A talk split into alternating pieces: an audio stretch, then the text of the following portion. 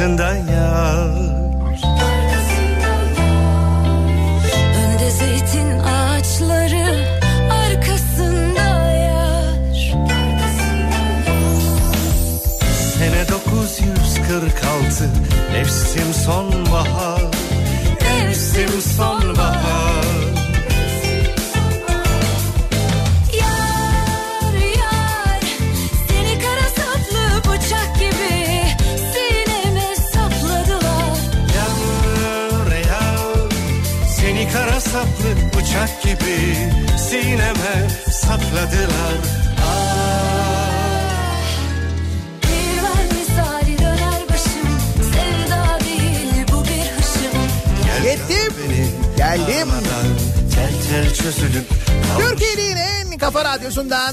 radyodan hepinize günaydın.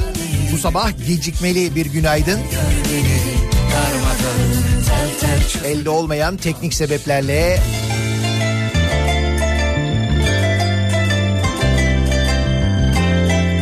biraz geciktik özür diliyorum.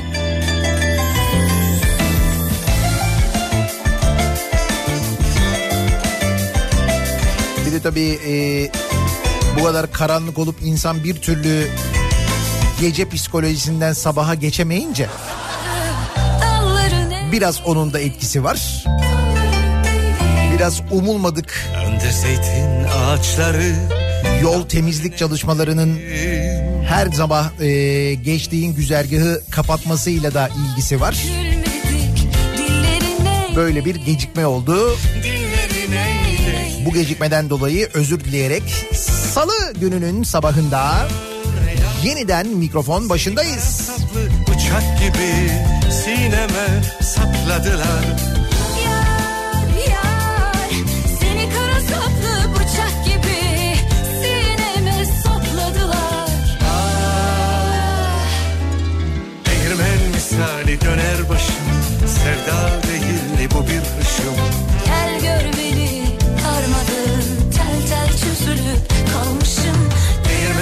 misali döner başım Sevda değil bu bir hışım Sabah desen sabah gibi değil. Bayağı bildiğin zifiri karanlık. Kış desen kış gibi değil. Aralık ayının 17. günündeyiz.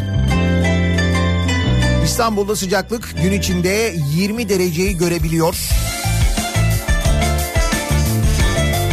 Nedir bunun sebebi? İstanbul'a kış gelmemesinin sebebi omega bloğuymuş. Evet omega bloğu diye bir blok varmış. arkasında yar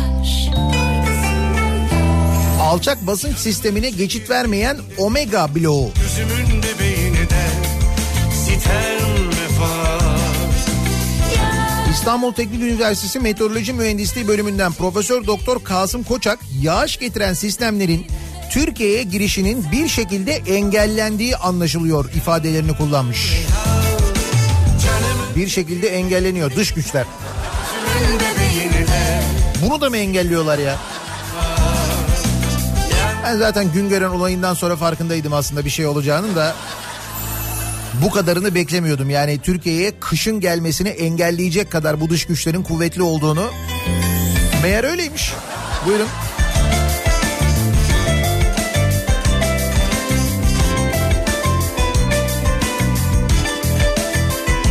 Demek ki gün gören bir başlangıçtı. arkasında Buradan bunu anlıyoruz yani. Canımın çekirdeğinde diken Gözümün bebeğini de sitem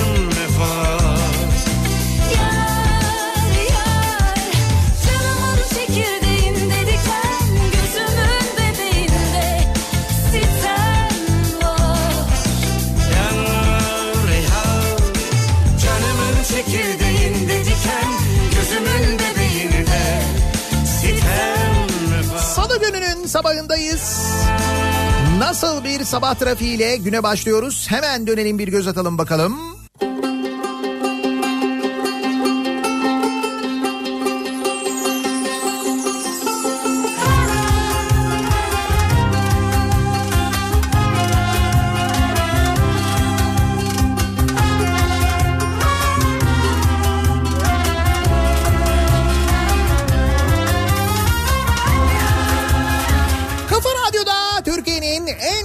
Radyosu'nda devam ediyor.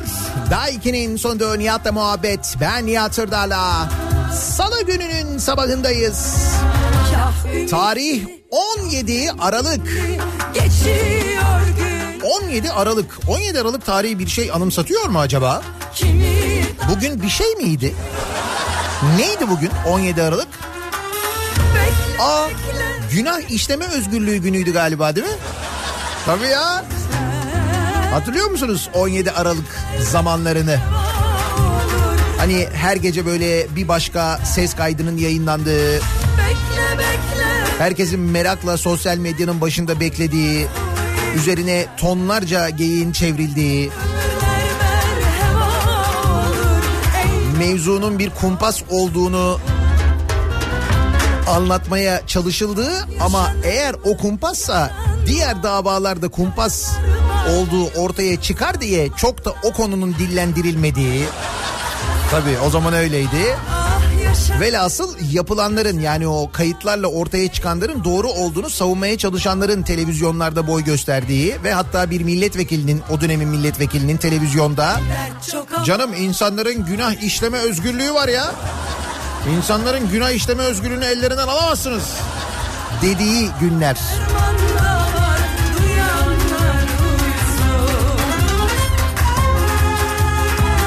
Hatta Devlet Bahçeli'nin odasına 17'yi 25 dakika geçe duran bir saat koyduğu günler.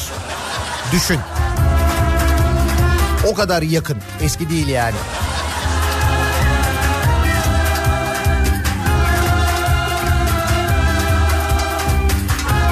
Dönelim bugüne. Bugünün 17 Aralığına kendini Hızırım diye tanıtarak dolandırıcılık yapan zanlı tutuklandı. Bu kaçıncı ya? Baya kendini Hızır aleyhisselam olarak tanıtmış adam. Öteki adam da buna inanmış. Kayseri'nin Kocasinan ilçesinde meydana gelen olayda Murtaza Ç.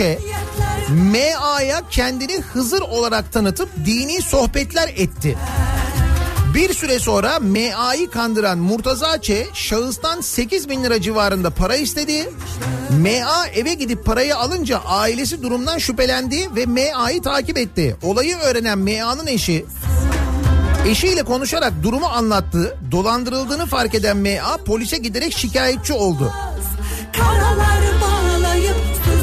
Bak gördün mü yine bir 17 Aralık yine değişen pek bir şey yok. Yine kendini Hızır e, kendine Hızır diyen, kendine Mehdi diyen, kendini ermiş ilan eden biri. Onun peşinde koşan ve ona parasını pulunu her şeyini veren biri. İsimler değişiyor fakat durum değişmiyor.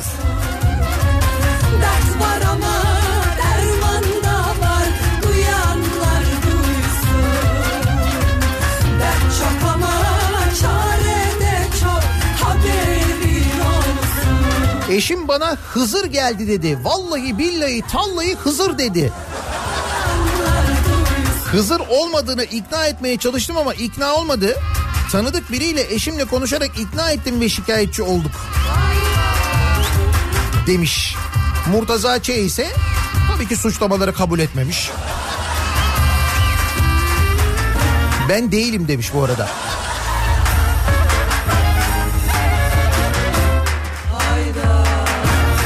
Şimdi bu bir yöntem, bu bir dolandırıcılık yöntemi. Bir de şöyle bir yöntem var ki bu çok enteresan.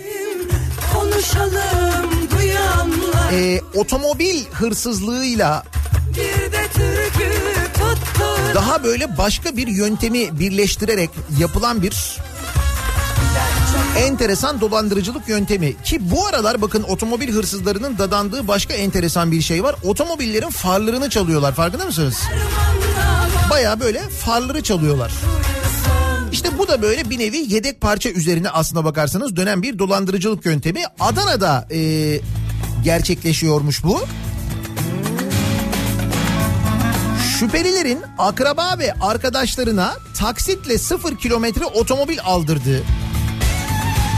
Taksitle sıfır kilometre otomobil aldırıyorlar. Sıfır kilometre araba geliyor. Sonra bu sıfır kilometre arabaların tampon, çamurluk, far, kaput, hava yastığı gibi orijinal parçalarını söküp yerine çıkma ve hasarlı parça takıyorlar. Bu söktükleri orijinal sıfır parçaları götürüp satıyorlar. Yerlerine çıkma eski parçalar takıyorlar. Sonra Sonra bu otomobillerle kırmızı ışıkta duran kamyon, tır, iş makinesi ve otobüslere arkadan çarpıyorlar.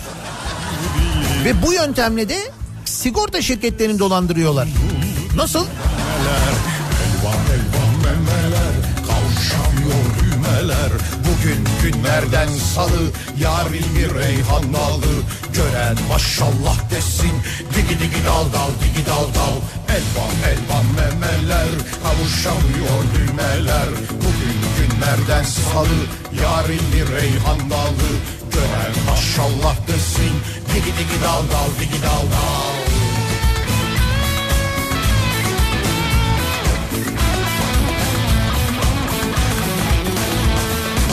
Salı gibi salı. Nasıl dolandırıcılık yalnız? Sıfır arabayı al, üzerinden yeni parçaları sök, eski parçaları tak, onunla git bir yere çarp. Hem söktüğün, sattığın sıfır parçalardan para kazan hem de kaskodan para al. Bu yöntemle şüphelilerin 4 milyon 300 bin lira haksız kazanç elde ettiği belirlenmiş. 144 kez organize ettikleri kazalar, 144 trafik kazası organize etmişler bu arada. Dilin Organize işler bu. Buyurun. dillendirir nineler Dilsizi dillendirir nineler Elvan elvan memeler Kavuşamıyor düğmeler Bugün günlerden salı Veya sen şöyle diyebilirsin canım bunlarla uğraşmaya ne gerek var bu kadar? Arabayı al, taksitle al, onun parçasını sök, öteki tarafa sat, kırmızı ışıkta duran kamyonu arkadan çarp, kaskoyla uğraş falan. Hiç böyle şeylere gerek kalmadan daha organize yöntemlerle Kavuşamıyor düğmeler Bugün günlerden salı Misal. Yeni reyhan dalı Gören maşallah desin Digi digi dal dal digi dal dal becerikli Fatih rayları da kaptı haberi var mesela. Bu da seri organize. Borcu ziraata yıktı. Melih Gökçek'ten ihale aldı. Şimdi de lojistiğe el attı. Becerikli Fatih'ten kasıt bu. AKP milletvekili Asuman Erdoğan'ın eşi Fatih Erdoğan. Ankara'daki Next Level Gökdelen'in borçlarını Ziraat Bankası'na devretmiş. İnşaattan hayvancılığa, ağaçtan ticarete pek çok alanda iş yapan Erdoğan, Melik Gökçek döneminde yoksullar üzerinden 300 milyon lirayı aşan ihaleler almış. Son olarak sahneye Bakü, Tiflis, Kars demir yolunda çıkmış. Şirketlerini Mart 2019'da Pasifik Eurasia lojistik dış ticarete dönüştüren Erdoğan hatta anlaşılmış tarifeleri aşan ücretlerle iş yapmaya başlamış bu tren yolu hattında. Kazakistan resmi taşıma şirketi bu durumdan rahatsızlığını dile getirmiş.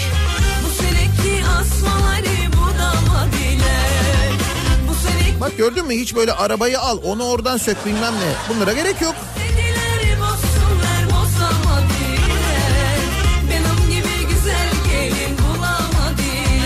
Ya da bak şöyle bir şey olabilir mesela. Yarım kalan inşaat tamamından pahalı. Biri ihaleyi alıyor. Bir inşaatı yapacağım diyor. Yapmıyor yarıda kalıyor. O parasını alıyor. Sonra bir daha o yarım kalan inşaatın ihalesi yapılıyor. İlk başta yapılandan yarısı tamamlanmış iş için daha fazla para ödeniyor. Nasıl? Bu da güzel yöntem. 3 yıldır tamamlanmayan Devlet Demir Yolları Konya yüksek hızlı tren garı için yeni bir ihale açılmış. İş açık ihale yerine yerine 21B usulüyle ki bu usulü tanıyoruz. Böyle afet durumlarında, acil durumlarda hiç böyle ihale yapmadan sen gel sen yap yöntemi bu aslında. Bu budama Hiç afet mafet yok ama bütün ihaleler böyle veriliyor ya 21B. bozama dile Benim gibi Tamamı 68 milyon liraya bitecek olan inşaatın tamamlanma ihalesinin bedeli 77 milyon lira oldu. Bak ilk başta tamamı 68 milyona mal olur demişler. 68 milyon bu arada ha. Sonra ilk yapan şirket yarıda bırakıyor gidiyor. Yarıda kalan işi tamamlamak için 77 milyona ihaleye çıkılıyor. Ç- ihaleye çıkılmıyor düzeltiyorum. Sen gel sen yap deniyor. Devlet Demiryolları 2016 yılında işi 4734 sayılı kamu ihale kurumunun 20. maddesine göre belli istekliler arasında ihale usulüyle 66.8 milyon liraya 6 daha inşaata ihale etmiş. İnşaat için 15 ay süre belirlenmiş. Garın 2017 yılının Ekim ayında açılması öngörülüyormuş ancak planlar yine tutmamış. Herkes inşaatın bitmesini beklerken Devlet Demiryolları yeni bir ihale daha açmış. Ancak bu defa ihalenin şekli değiştirilerek olağanüstü haller için düşünülen 21B pazarlık usulüyle yapılmış. bulamadılar 12 Kasım'da yapılan yeni ihale özel olarak davet edilen Rize Güney Sulu Fatih Erdoğan'ın şirketi Pasifik İnşaat'a verilmiş. Bu deminki Fatih değil mi bu ya? Aa vallahi o. Bak adam buradan da çıktı. Dışarıdan bakıldığında kaba inşaatı büyük oranda tamamlandığı görülen projede ihale rakamının ilkinin üzerine çıkılarak 77.2 milyon lira olarak belirlendi. Evet doğru bu next level'mış bu da. Anlaşamıyoruz anlayamıyoruz Sen de arabayı al, parçasını sök. Bulabilirsin hatta keyfine göre unutabilirsin Her önüne geleni hain sanma Kimse kimseyi tam tanımıyor İnsek insek görsek dibini nefretini Yalnız bu sabah ne canikosu yaptı ya? İyi canikosu yaptı değil mi? Ana dili yan dili kuş 35 bin metrekare arazi Ankara'nın göbeğinde Türkiye Verimlilik Vakfı'na verilmiş. Türkiye Verimlilik Vakfı. Arazinin verimini arttırmak için herhalde.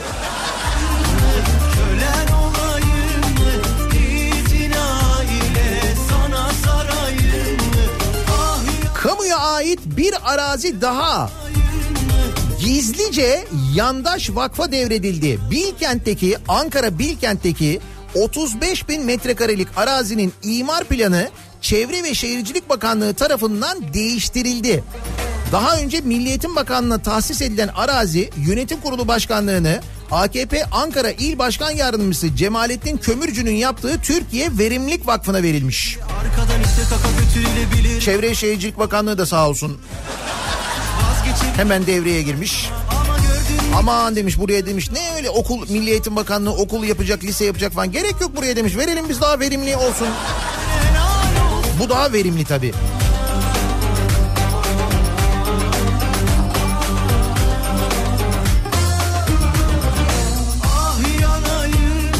Bu arada Cemalettin Kömürcü 2015 genel seçimlerine asılsız broşürlerle müdahale ettiğine dair iddialar daha önce basında çıkmış. Hani Ankara'da böyle broşürler falan dağıtılıyor ya Ankaralılar bilirler seçimlerden önce olur genelde o. Ya.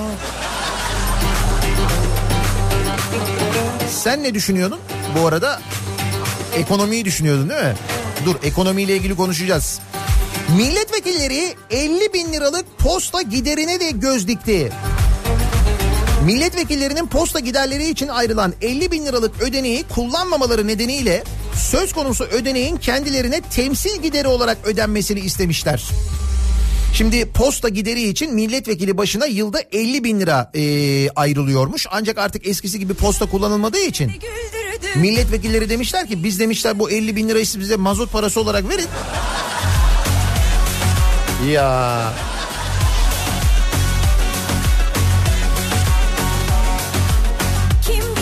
taslak olarak hazırlanan yasa maddesinin çakal lamba düzenlemesinin de içinde olduğu yasanın içine konulması önerildi.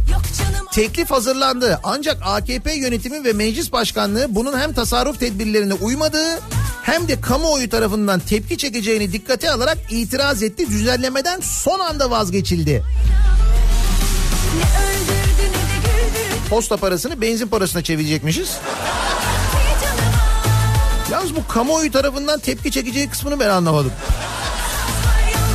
Çeker miydi gerçekten ya? acaba? Kamuoyumuz buna gerçekten tepki verir miydi acaba? başına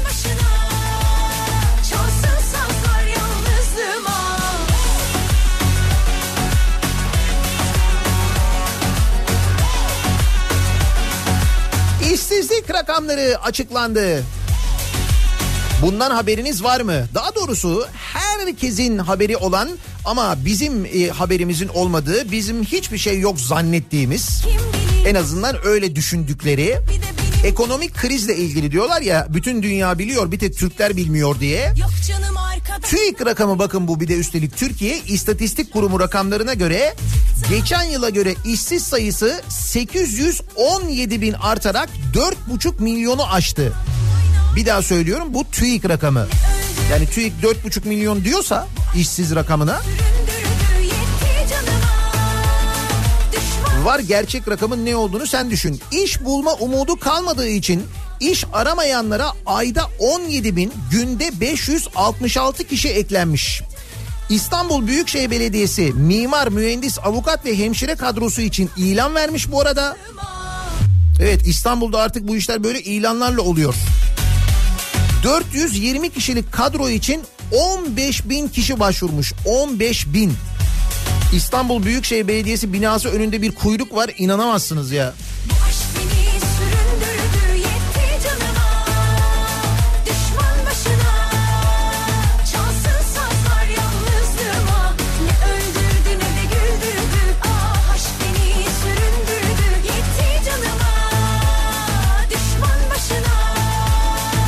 Ah Hal böyleyken ekonomi bu durumdayken ki ekonominin durumunu birazdan size soracağız. Siz ne düşünüyorsunuz ya da ne görüyorsunuz etrafınızda diye. Çünkü bakıyorsunuz gazetelere, basına, büyük bölümüne e, onlarda pek bir şey görülmüyor. Onlara göre uçuyoruz, şahlanıyoruz.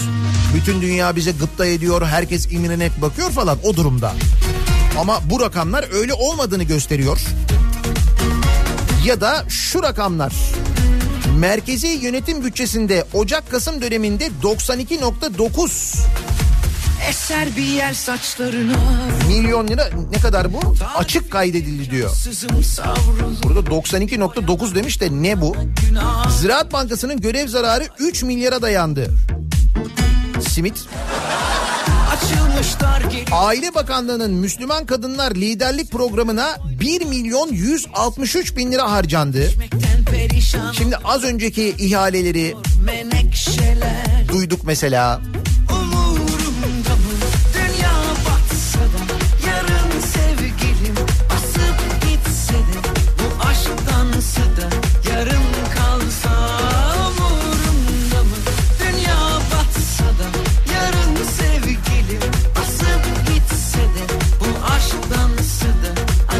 Mecliste Tarım Bakanlığı'nın bütçesi görüşülüyor.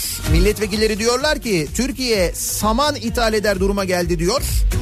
Tarım Bakanı diyor ki yok öyle bir şey diyor. Biz diyor saman ihraç ettik diyor ya. Abi biz mi yanlış gördük? Biz mi yanlış okuduk? Bayağı bildiğin Ukrayna'dan, Bulgaristan'dan saman geldi bu ülkeye. Biz mi yanlış görüyoruz? Elimize alıyoruz, nohut paketlerini bakıyoruz. Üzerinde menşei Meksika'dır falan yazıyor. Sorsan e, diyor ki alakası yok diyor. Tarım diyor gelişiyor Türkiye'de diyor ya. Tarım Bakanı da öyle söylüyor.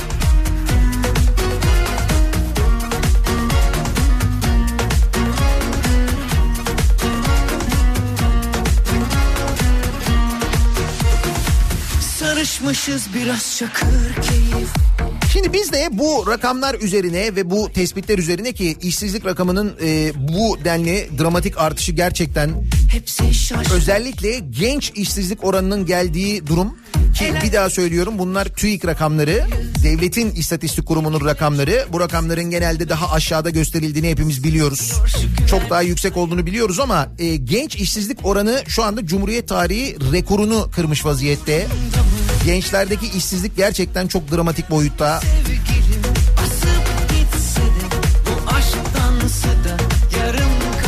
Peki size göre acaba ekonominin durumu nasıl diye bu sabah biz de dinleyicilerimize soruyoruz. Uçuyor muyuz yoksa batıyor muyuz? Ne oluyor acaba?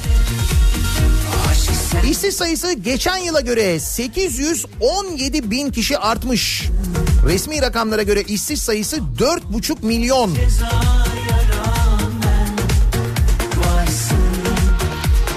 Ekonominin durumu bu sabahın konusu. Bakalım siz etrafınızda neler görüyorsunuz ekonominin durumuna dair? Sizin gözlemlediğiniz neler var, nasıl tespitleriniz var bunları bizimle paylaşmanızı istiyoruz sevgili dinleyiciler. Sosyal medya üzerinden yazabilirsiniz. Twitter'da böyle bir konu başlığımız, tabelamız, hashtagimiz mevcut. Ekonominin durumu başlığıyla yazabilirsiniz mesajlarınızı. nihatetnihatsırdar.com elektronik posta adresimiz. Buradan yazabilirsiniz. WhatsApp hattımız 0532 172 52 32 0532 172 kafa. Ekonominin durumu bu sabahın başlığı. Sevgilim de.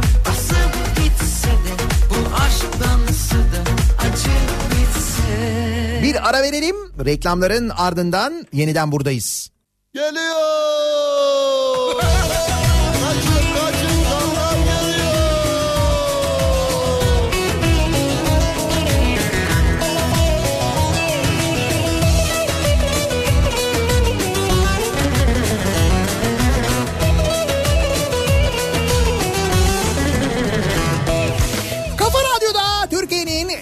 Kafa radyosunda devam ediyor.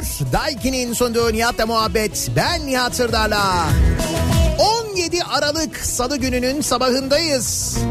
Evet tarih 17 Aralık. Kalkar vatandaş canından bıkar. Ekonominin durumunu konuşuyoruz. Uçuyor muyuz? Batıyor muyuz? Ne oluyor? Siz ne gözlemliyorsunuz etrafınızda acaba diye soruyoruz. Birileri bizi gıdıklıyor. Emeklisi çalışanı oynuyorlar perişanı. Emeklisi çalışanı oynuyorlar perişanı. Yok mu bunun karışanı? Birileri bizi gıdıklıyor. Yok mu bunun karışanı? Bunlar bizi gıdıklıyor. Gıdı gıdı gıdı Yoksa gerçekten de birileri bizi gıdıkladığı için mi farkına varamıyoruz? Gıdı gıdı gıdıklıyor. Televizyonlara çıkıp tuhaf tuhaf konuları, tuhaf adamlar tartıştıkları için mi acaba meselenin özüne hakim olamıyoruz? Murat diyor ki mesela televizyonları izleyince ekonomi süper. Ben bir esnaf olarak acaba bende mi sıkıntı var diye düşünüyorum. Siz söyleyin sıkıntı bende mi diyor. Muhtemelen sen de yani.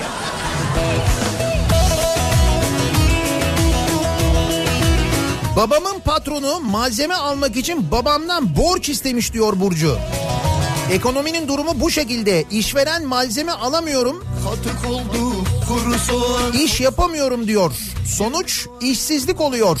oldu kuru soğan Sorsan pişman yeni doğan Kaçıp gider bizi soyan Biri bizi gıdıklıyor Birileri bizi gıdıklıyor Emeklisi çalışanı Oynuyorlar perişanı.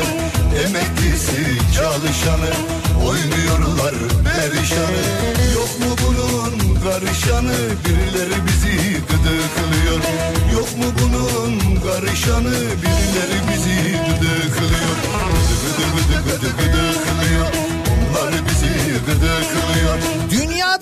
kiloysanız Mars'ta 38 kilo geliyorsunuz. Şu halde siz şişman değilsiniz sadece yanlış gezegendesiniz. Bak güzel bence yöntem. Ya oğlum ben şişman değilim lan yanlış gezegene gelmişiz işte. Bizim ekonominin durumu aynen bu diyor Cüneyt. Sadece bize anlatılan ülkede değiliz. Sıkıntı ondan kaynaklanıyor yani. Anlatıyorlar ama ülke yanlış. Kim bilir belki de başka belki de başka bir yerde yaşadıkları için mi acaba anlamıyorlar? Ben de o yüzden soruyorum. Belki de biz yanlış yerde yaşıyor, yanlış şeyler görüyoruz. Mars'a dört şeritli yol yapacak paramız var. O aydı bildiğim kadarıyla. Ama bu obezite sorununu bu şekilde çözeceksek Mart olabilir evet. Şey Mars olabilir pardon. Mars'a da yapabiliriz. Niye yapmayalım yani? Yalışıklık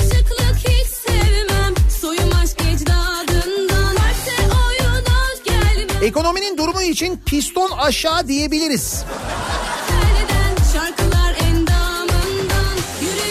Ekonominin durumu tek kelimeyle anlatırsak iyi diyor Serdar. İki kelimeyle anlatırsak iyi değil. Ama tek kelimeyle anlatınca daha sevimli duruyor. Değil mi?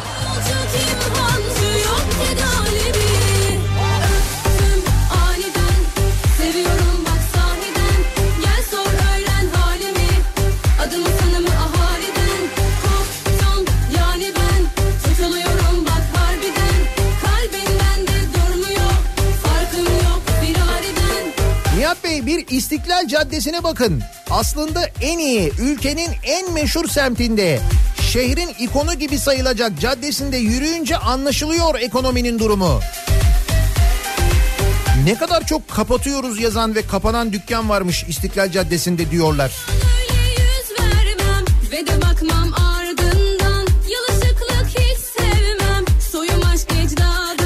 Ekonominin durumu kişiye göre değişiyor. Canikos'una göre bahar bahçe, vatandaşa göre kara kış. Ne vereyim abime? Ne verebilirsiniz? Bir dev arazi olabilir mesela. Ankara'da Bilkent'te 35 dönüm arazi. Çevre ve Şehircilik İl Müdürlüğü arazi için imar planını değiştiriyor.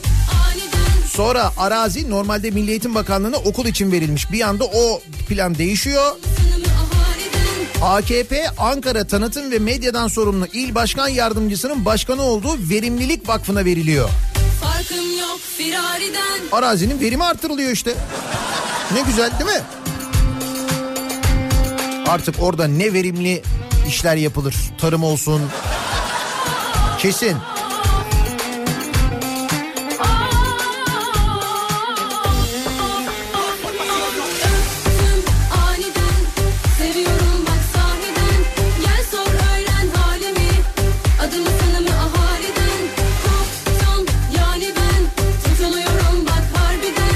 Nihat Bey o Mars hesabında bir problem var. Dünyada 100 kiloysanız Mars'ta da 100 kilosunuz. Arkadaş yanlış biliyorum diyor. Fizik öğretmeni İlker Kaya göndermiş. Hocam durun bir saniye. Bir an kendimizi böyle bir zayıf hissettik. Bir anda bir kilo vermiş gibi olduk. Öyle düşündük. Farkım yok firariden Ekonominin durumunu iki kelimeyle anlatabiliriz. Horolop, şorolop diyebiliriz. Yani ne olduğu belli değil diyebiliriz. Bak mesela ne olduğunun belli olmadığını düşünen var.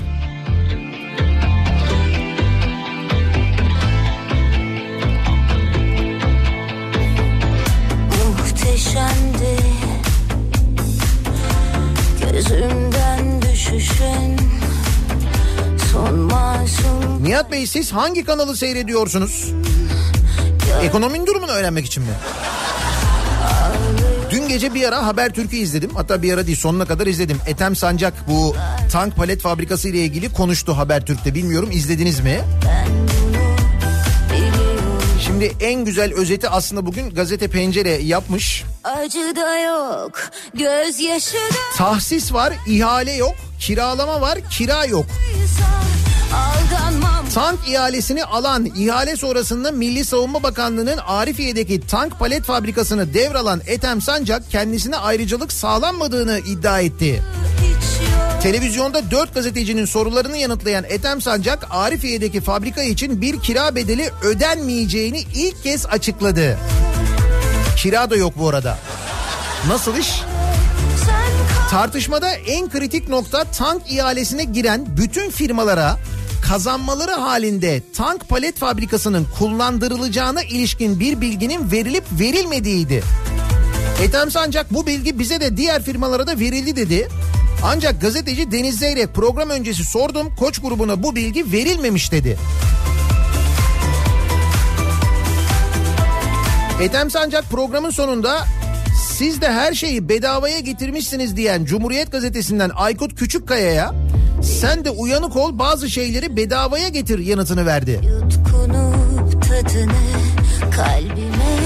Ya siz de işte biraz hep söylüyorum ne oluyorsa biz bu saflığımızdan oluyor zaten ondan kaybediyoruz. Biraz uyanık olsak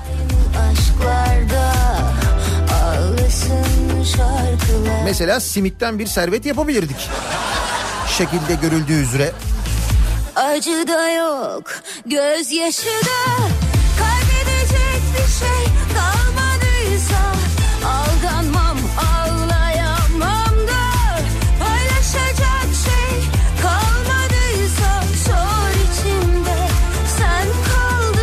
Ekonominin durumu deve kuşu gibi diyor bir dinleyicimiz. Uç diyorsun ben deveyim diyor. Yük taşı diyorsun ben kuşum diyor.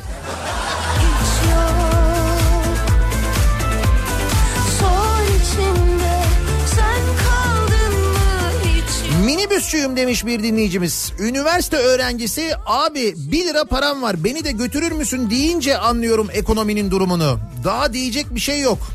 Şimdi gel de o 1 lirayı al o çocuktan.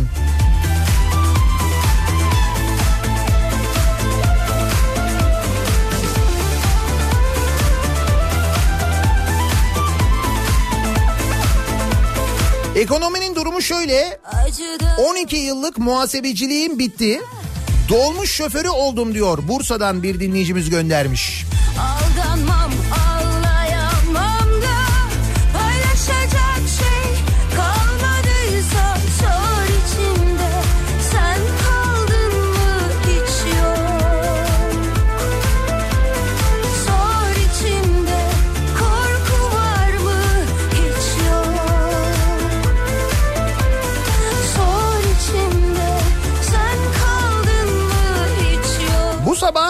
veresiye simit alanı gördüm diyor bir dinleyicimiz. Ekonominin durumu bu şekilde. Adamlar simit sarayı aldılar ya veresiye.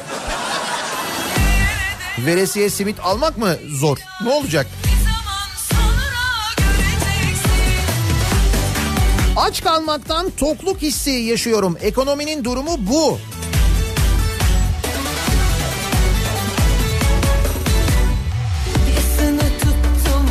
Ekonominin uçtuğu çok doğru diyor bir dinleyicimiz. Ertan göndermiş. İşletme sahibiyim. 52 kişiden 25'ini uçurmak zorunda kaldık. Ciromuzun yarısı uçtu. Umarım yakında yurt dışına uçmak zorunda kalmayız diyor.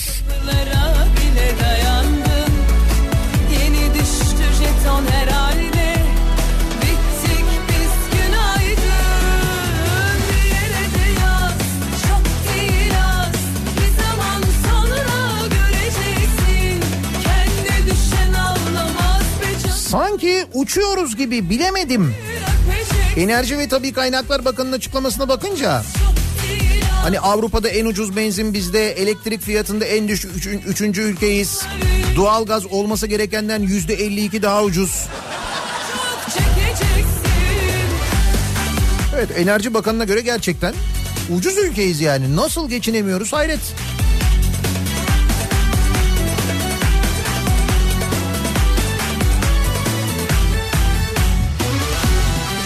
Bugün Dünya Yolsuzluk Günü değil miydi?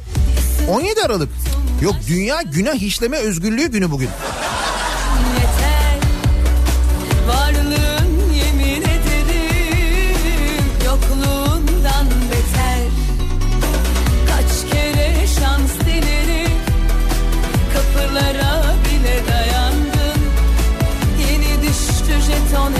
Nihat Bey lütfen bizi korkutmayın. Yabancı dil bilmiyoruz. Nereye gideriz?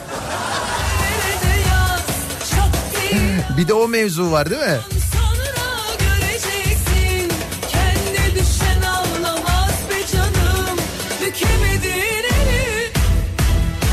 Ekonominin durumu tam olarak şöyle. İnternette beğendiğim ürünlerin sadece ekran görüntüsünü alabiliyorum o kadar.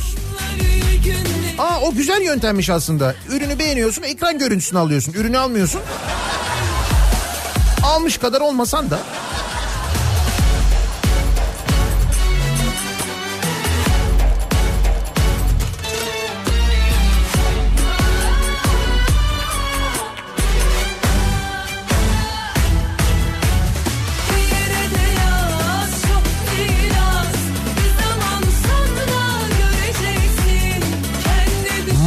Yüksek mühendisiyim. Sadece işsizler konuşuluyor. Bir de bu ülkede asgari ücrete çalışan yüksek lisans diplomalı mühendisler var.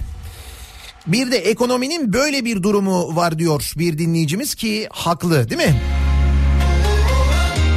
İşte az önce 12 yıldır muhasebecilik yapan ama artık dolmuş şoförlüğü yapmak durumunda kalan bir dinleyicimiz var mesela. Macerayı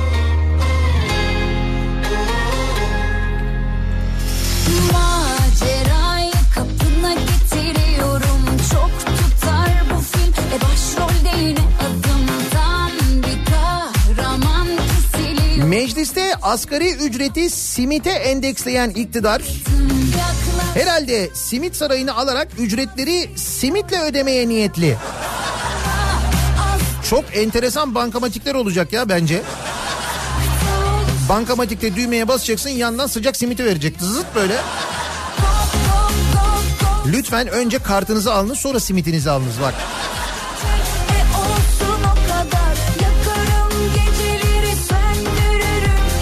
Yalnız e, ziraat girişim e, grubuna bir peynir firması almaları gerektiğini de söylemek isterim. Simit öyle sade olmaz. Yanına bilmiyorum artık karperi mi alırsınız?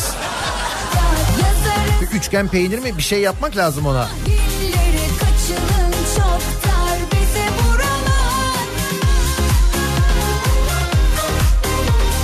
Antalya'da müzenin de önünden geçen Konyaaltı Caddesi'nde oturuyorum.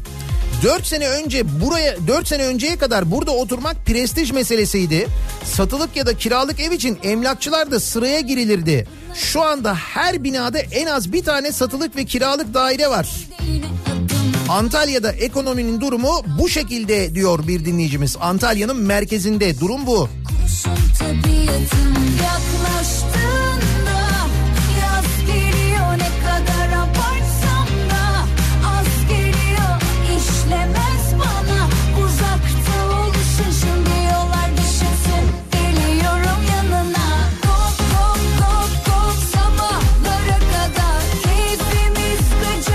Güvenlik görevlisiyim. Ayrıca mobilya montajı yapıyorum. Yoksa maaş yetmiyor, geçinemiyoruz. Ekonominin durumu bu.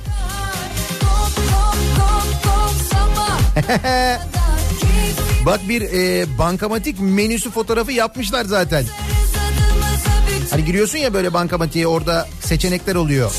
Hesap açma, döviz, havale, EFT. Sol tarafta bunlar yazıyor. Sağ tarafta da şey yazıyor. Simit, simit çay, simit çay peynir.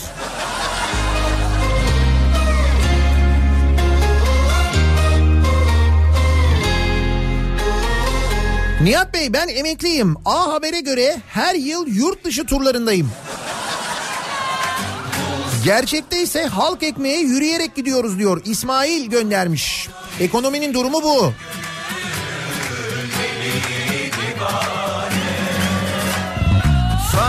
Faydasız nasihatler ne söylesem boşuna Şu divane gönlüm rüyada Sanki başka dünyadan ışınlandı dünyama O uzaydan ben Alaturka Yüreğime sorsalar hapis kalmış Öğretmenim kesilen özel derslerim de benim için ekonominin göstergesi. İnsanlar eğitime para ayıramıyorlar. Tutulmadan İşte ayıranların da başına neler geliyor. Buyurun Doğa Koleji. Nedir durum? Hala bir açıklama yok değil mi? Doğa Koleji öğretmenleri okul yönetimine dilekçe verip iş bırakmışlar dün. Derslere girmeme kararı alan pek çok öğretmen okulun İstanbul Ataşehir ilçesindeki genel merkez binası önünde bir açıklama yapıp dün dilekçe verip iş bırakmışlar. Ve hala bir açıklama yok. Milli Eğitim Bakanlığı'ndan böyle yalap şap ortadan giden biz her türlü tedbiri aldık falan tadında açıklamalar geliyor. Sonuç? Sonuç hala yok ortada.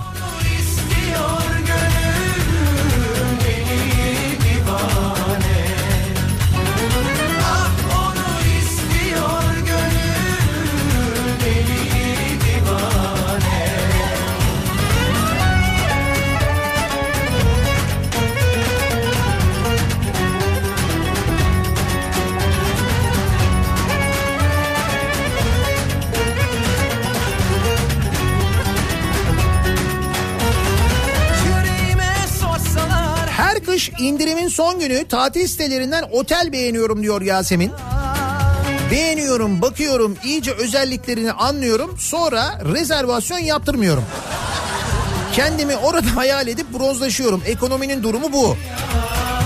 Bu da bak ekran görüntüsü almak gibi bir şey işte.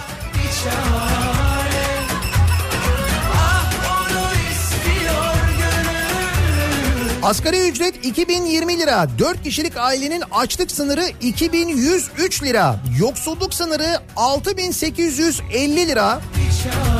İki emekli maaşı yoksulluk sınırı altında kalıyor. Şimdi ekonomi kötü desem içeri atacaklar. Ekonomi uçuyor diyelim herkes kurtulsun. Tabii öyle kötü mötü falan da öyle bir şey yok. Öyle diyemiyoruz.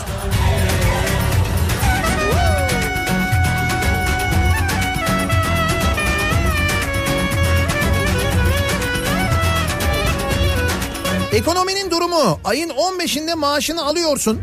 Ertesi gün 10 liralık alışverişi kredi kartı ile yapıyorsun.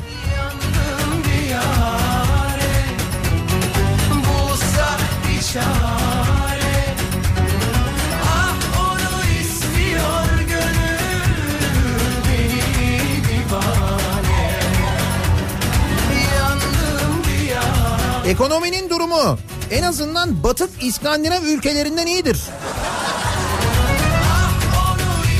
Bak Finlandiya'nın en genç başbakanı 34 yaşındaki Sanna Marin işteki ilk gününe koruma ordusuyla değil onu işe bırakan tırcı eşi Albert Marin'in tırıyla gitmiş. Nasıl ya Finlandiya başbakanı işe eşinin tırıyla mı gitmiş? Bayağı adam tırla bırakmış kadını. Ya neyse ki böyle bir ülke değiliz ya itibarımız var. Çok şükür. Konvoylarımız var uzun uzun. Maybahlarımız var pırıl pırıl. Şu ezik Finlandiya'ya bak. Bu nedir yani?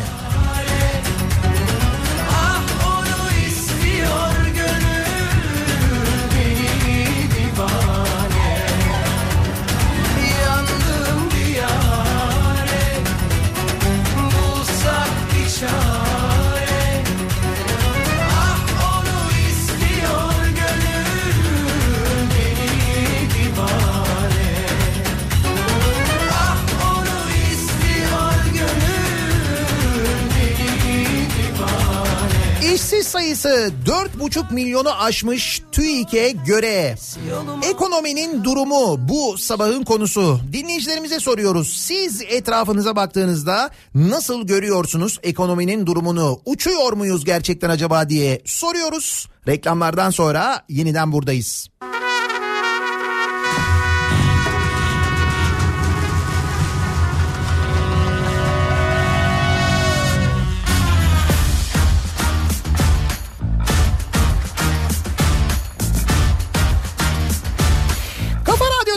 Türkiye'nin en kafa radyosunda devam ediyor. Daiki'nin sunduğu Nihat'la muhabbet. Ben Nihat Sırdar'la salı gününün sabahındayız. Tarih 17 Aralık. Günah işleme özgürlüğü günü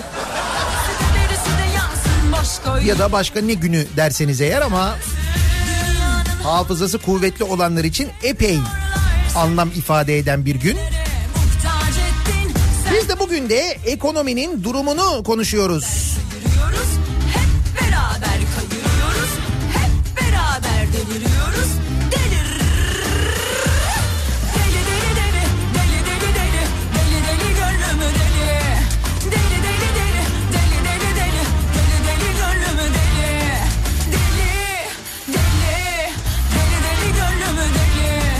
Ekonominin durumu. Abi acaba Finlandiya'nın başbakanı eşinin tırlarına hafriyat işi bağlamış mıdır?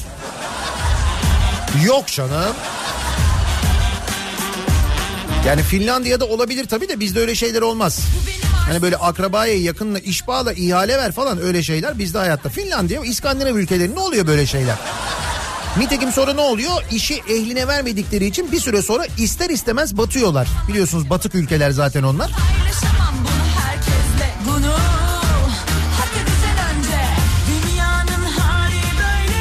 Ankara'da Etimeskut'ta günün her anında dolu olan cağ kebapçısı kapatmış. Sanırım iyi olan ekonomimizden dolayı o da çok para kazandı. Uçtu uzaya dükkan açacak herhalde diyor. Ersin göndermiş. Yılların dükkanları, esnafları, lokantaları kapatıyorlar farkında mısınız? Deli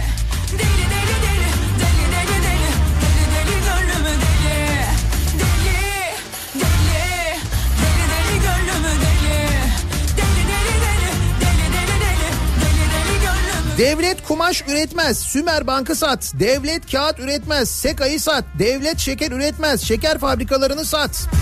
Devlet tank üretmez. Tank palet fabrikasını sat.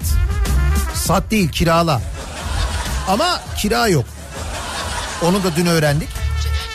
Sonra git simitçi ol. İşte ekonominin durumu bu diyor. Kaan göndermiş. Edeceksin önce Deli deli deli deli deli deli deli gönlümü deli Deli deli deli deli deli deli deli deli gönlümü deli Deli deli deli deli deli deli deli deli gönlümü deli Deli deli deli deli deli deli deli deli gönlümü deli Ekonominin durumu tam da böyle tepe taklak. Ha, burada nerede? Ankara'da bir yerde böyle ters duran bir ev yapmışlar. Dünyada böyle birkaç yerde var bu. Evleri ters çeviriyorlar. Çatısı yerde gibi duruyor. Geçmişteki günlerden bir teselli ararsın. Bak o zaman resmime. Kıyafet alışverişine çıktığım zaman deneme kabininden eşime fotoğraf gönderiyorum. O da durumu bildiği için hiç güzel olmamış diyor. Böylece 6 aydır kıyafet almıyorum diyor. Bir dinleyicimiz Osman göndermiş buyurun. Bu da bir yöntem mesela.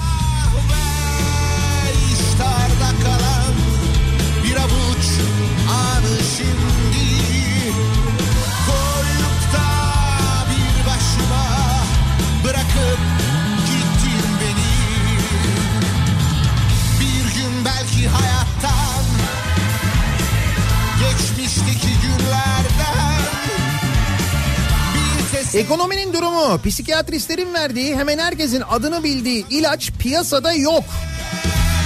Yani memleket olarak depresyondayız. Fakat ilacı bulamıyoruz. Çok aradım bulamıyorum. Evet bazı ilaçların bulunmadığı ile alakalı son zamanlarda çok haber çıkıyor. Daha doğrusu haber çıkmıyor da konuşuluyor. Medyamız biliyorsunuz böyle konulara çok hassas olduğu için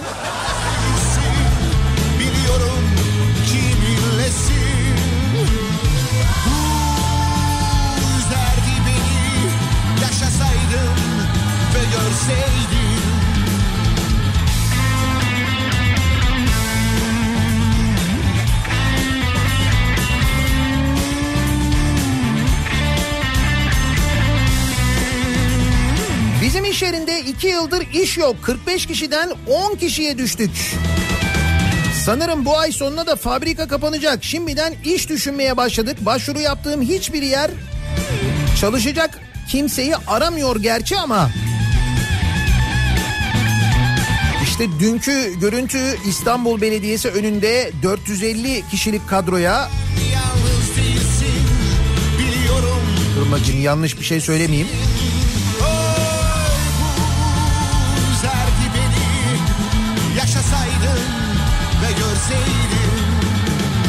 Evet doğru 420 kişilik kadroya 15 bin kişi başvurmuş İstanbul'da. İstanbul Büyükşehir Belediyesi'nin mimar, mühendis, avukat ve hemşire kadrosu için ilan verilmiş. Bakın nitelikli insanlar da aranıyor. 15 bin kişi başvurmuş. Yorakan o yaşları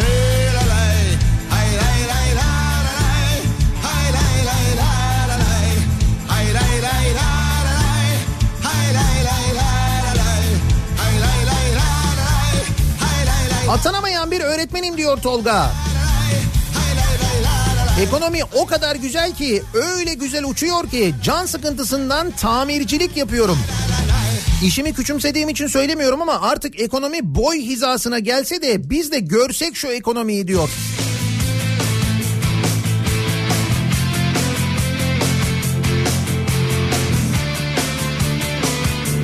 Emekliyim her 2-3 ayda bir taksitli nakit avans çekerek günü kurtarmaya çalışıyorum. Kredilerden nefesi bile zor alıyorum. Anlayın ekonominin durumunu demiş. Emekli bir dinleyicimiz göndermiş.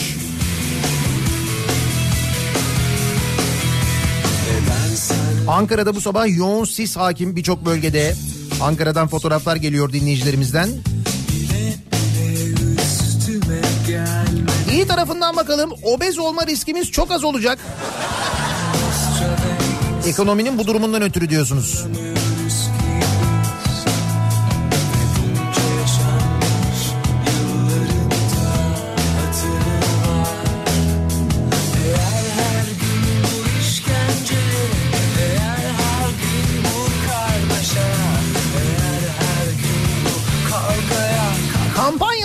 Ediyorum. Nerede puan varsa oradan alışveriş yapıyorum.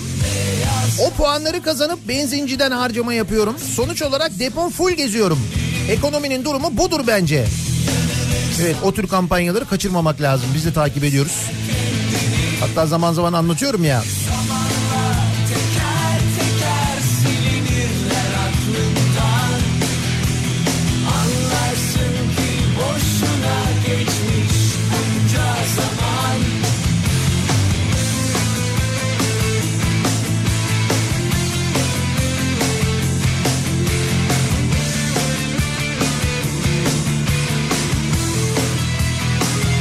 Ekonominin durumu işverenimin ya personel çıkarmak ya da aynı personelle 2020 lira olan maaşımızı 1700 liraya indirmek zorunda kalması.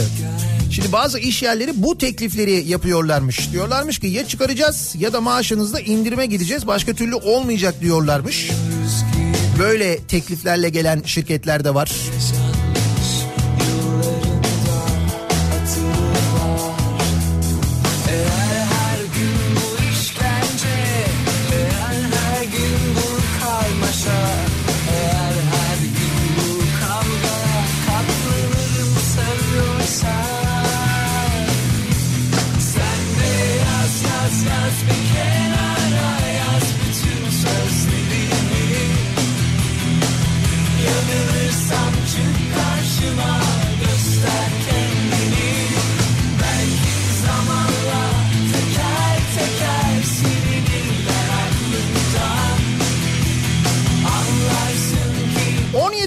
makine mühendisiyim. 7 aydır taksicilik yapıyorum diyor bir başka dinleyicimiz.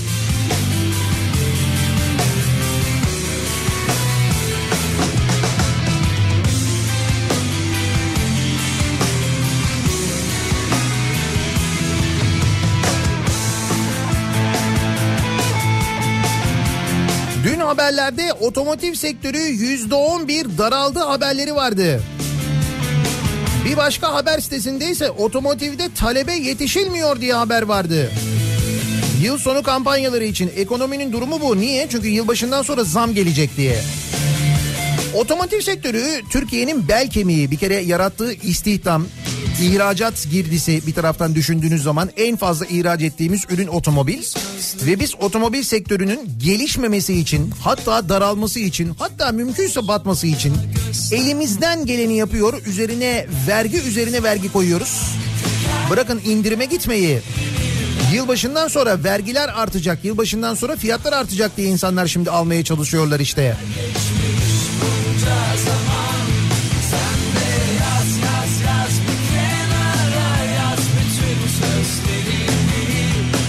gerçekten ilkokul çocuğuna sorsan der ki senin memleketinin en büyük sanayisini ayakta tutmak için ne yaparsın diye çocuk der ki indirim yaparım der.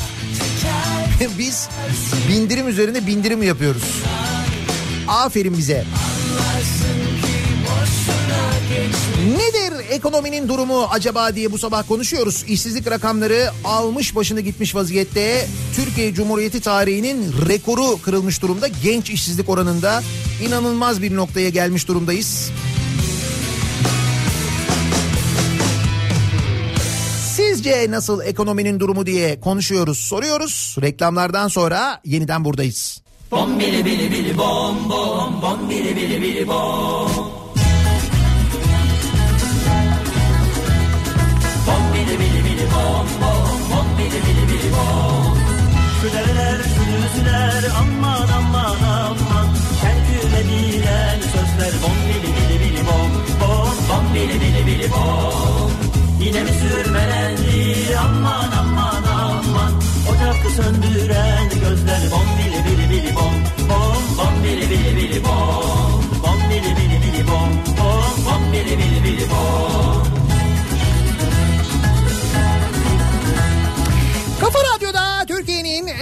Radyosunda devam ediyor. 2'nin sonunda Nihat'la muhabbet. Ben Nihat Sırdar'la. 17 Aralık Salı gününün sabahındayız. Ekonomiyi konuştuk bu sabah. Ekonominin durumunu sorduk dinleyicilerimize. Nedir ekonominin durumu acaba diye uçuyor muyuz, batıyor muyuz? Basının e, büyük bölümüne baktığımızda uçtuğumuzu, herkesin bizi kıskandığını görüyoruz. Halbuki işsizlik rakamları öyle demiyor, kuyruklar öyle demiyor, gelen mesajlar öyle demiyor. Aman aman aman Herkes etrafındaki olan bitenden, sokakta her gün yürüdüğü caddedeki dükkanların bir bir kapanmasından, kiralık satılık dükkan daire ilanlarından aslında ekonominin ne durumda olduğunu biliyor, görüyor. İşine gelen görüyor. İşine gelmeyen görmüyor. Çünkü zaten işi bu görmemek. Nedir ekonominin durumu? Nedir Türkiye'deki ve dünyadaki son gelişmeler? Birazdan Kripto Odası programında Güçlü Mete sizlerle birlikte olacak. Türkiye'nin ve dünyanın gündemini aktaracak. Bu akşam 18 haberlerinden sonra Sivrisinek'le birlikte ben yeniden bu mikrofondayım. Sizlere eve dönüş yolunda eşlik etmek üzere tekrar görüşünceye dek güzel bir gün geçirmenizi diliyorum. Hoşçakalın.